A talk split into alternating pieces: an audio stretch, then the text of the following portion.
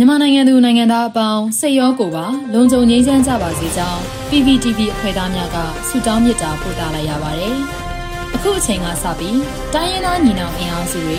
ပြည်သူ့ကာကွယ်ရေးတပ်မတော် PDF တပ်သားတွေနဲ့ပြည်သူလူထုတို့ရဲ့အရှိန်အဟုန်မြင့်လာတဲ့တိုက်ပွဲသတင်းတွေကိုစူးစီးတင်ဆက်ပေးသွားမှာဖြစ်ပါတယ်။ကျမຫນွေဦးလင်းအိမ်ပါ။ ပထမဆုံးအနေနဲ့လွိုက်ကော်ကရန်တာယာရွာအနီးစစ်ကောင်စီစစ်ကြောင်းကို KNDF ကခြုံခိုတိုက်ခိုက်လို့စစ်သား15ဦးသေဆုံးတဲ့တဲ့ရင်ကိုတင်ဆက်ပေးပါမယ်။ကရင်ပြည်နယ်လွိုက်ကော်မြို့နယ်ကရန်တာယာကျေးရွာနီးအင်အား200ခန့်ပါတဲ့စစ်ကောင်စီစစ်ကြောင်းကိုကရင်ပြည်အမျိုးသားများကာကွယ်ရေးတပ်ဖွဲ့ KNDF တပ်ရင်းနဲ့တပ်ရင်း3နဲ့ PDF ပူးပေါင်းတပ်ဖွဲ့ကယနေ့နနက်9နာရီခွဲခန့်မှာခြုံခိုတိုက်ခိုက်ပြီးအကြမ်းဖက်စစ်ကောင်စီဘက်မှစစ်သား15ဦးသေဆုံးကြောင်းသတင်းရရှိပါရယ်။ မိုးပြဲနဲ့ဖေခုံဘက်ကစစ်ကြောင်းထိုးလာတဲ့စစ်ကောင်စီတပ်ဖွဲ့ဝင်တွေကိုခြုံခိုတိုက်ခိုက်ခဲ့ခြင်းဖြစ်ပြီးခဲရင်အချို့သိမ်းဆည်းနိုင်ခဲ့ကြောင်းသိရှိရတာပါ2021ခုနှစ်စက်တင်ဘာလ22ရက်နေ့ကလည်းကယန်းတာယာအနီးမှာရှိတဲ့ကုန်းတာလင်ဖုံးလေးကျေးရွာများတဝိုက်မှာအကြမ်းဖက်စစ်ကောင်စီရဲ့စစ်ကားအစီးရေ40ပါရင်နှန်းကိုကရင်နီပူးပေါင်းတပ်ဖွဲ့များ PDF များကြားတိုက်ပွဲပြင်းထန်ခဲ့ပြီး စစ်ကောင်စီကမိုးပြဲလွိုက်ကော်ကနေတဆင့်လက်နက်ကြီးပစ်ကူများပစ်ခတ်မှုကြောင့်ဒေသခံနေအိမ်တချို့ပျက်စီးကပြည်သူတအူးကြီးထိမှန်ဒဏ်ရာရခဲ့ပါတယ်။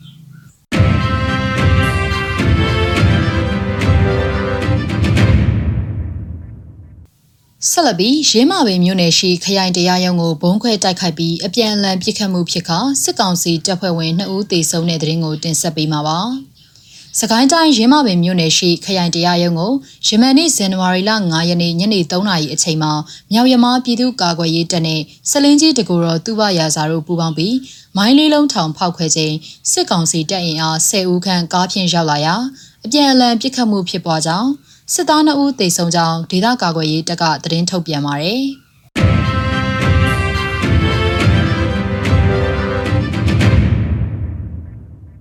ရန်ကုန်ရွှေပောက်ကံဘောလုံးကွင်းမှာတက်ဆွဲထားတဲ့စစ်ကောင်စီတပ်ကို40မမဘုံသီးလက်နက်နဲ့ပစ်ခတ်တဲ့တဲ့ရင်ကိုဆက်လက်တင်ဆက်ပေးမှာပါ။ရန်ကုန်တိုင်းမြောက်ကလာပါမြို့နယ်ရွှေပောက်ကံဘောလုံးကွင်းမှာတက်ဆွဲထားတဲ့စစ်ကောင်စီတပ်ကို40မမဘုံသီးလက်နက်နဲ့ဒေသကာကွယ်ရေးတပ်များက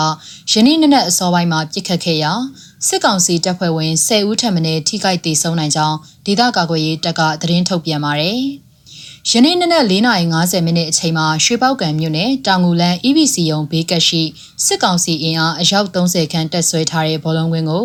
Area 21ရဲ့မိဖက်ညီနောင်များဖြစ်တဲ့ CGF ရန်ကုန်နဲ့ရန်ကုန် Federal Army YFA တို့ပူးပေါင်းက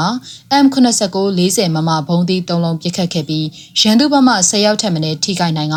တေဆုံးများနိုင်ပြီးဒေသကာကွယ်ရေးတပ်များထိခိုက်မှုမရှိဘဲအောင်မြင်စွာဆုတ်ခွာနိုင်ခဲ့ကြောင်းသတင်းထုတ်ပြန်ပါတယ်။ အလားတူမနက်9နာရီခန့်မှာလဲလှိုင်သာယာရုံးရှိမှတ်တိုင်မှာစစ်ဆေးနေတဲ့စစ်ကောင်စီတပ်ဖွဲ့ဝင်9ဦးအပြစ်ခံရပြီး2ဦးသေဆုံးခဲ့ပါသေးတယ်။အဆိုပါမစ်ရှင်များဟာရန်ကုန်တိုင်းစစ်ဒေသခွဲကုကဲရေးအဖွဲ့ရဲ့ဗျံလွှမ်းအောင်စစ်စင်ရေးတစိမ့်တစ်ပိုင်းဖြစ်ပြီးစစ်အာဏာရှင်အားအမြင့်ပြည့်သည့်အထိဆက်လက်တိုက်ခိုက်သွားမှာဖြစ်ကြောင်းအသိပေးထုတ်ပြန်ထားပါတယ်။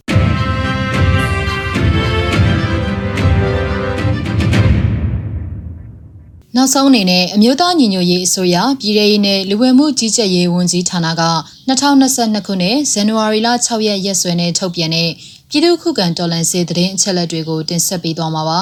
။အာနာသိန်းချမ်းဖတ်စေအုပ်စုရဲ့ပြည်သူလူထုအပေါ်အကြမ်းဖက်ဖိနှိပ်ဖန်ဆီးတိုက်ခိုက်တပ်ဖြတ်နေမှုတွေကိုပြည်သူလူထုတရက်လုံးကအသက်ရှင်တန်ရေးအတွက်မိမိကိုယ်ကိုမိမိခုခံကာကွယ်ပိုင်ခွင့်အရာ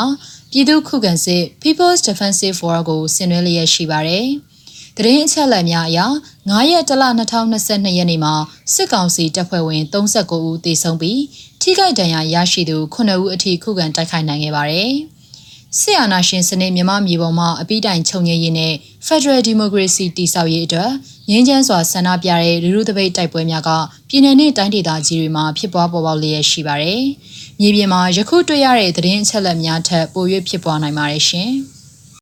Yeah, oh, oh, oh, yeah, me. အောင်ရမည်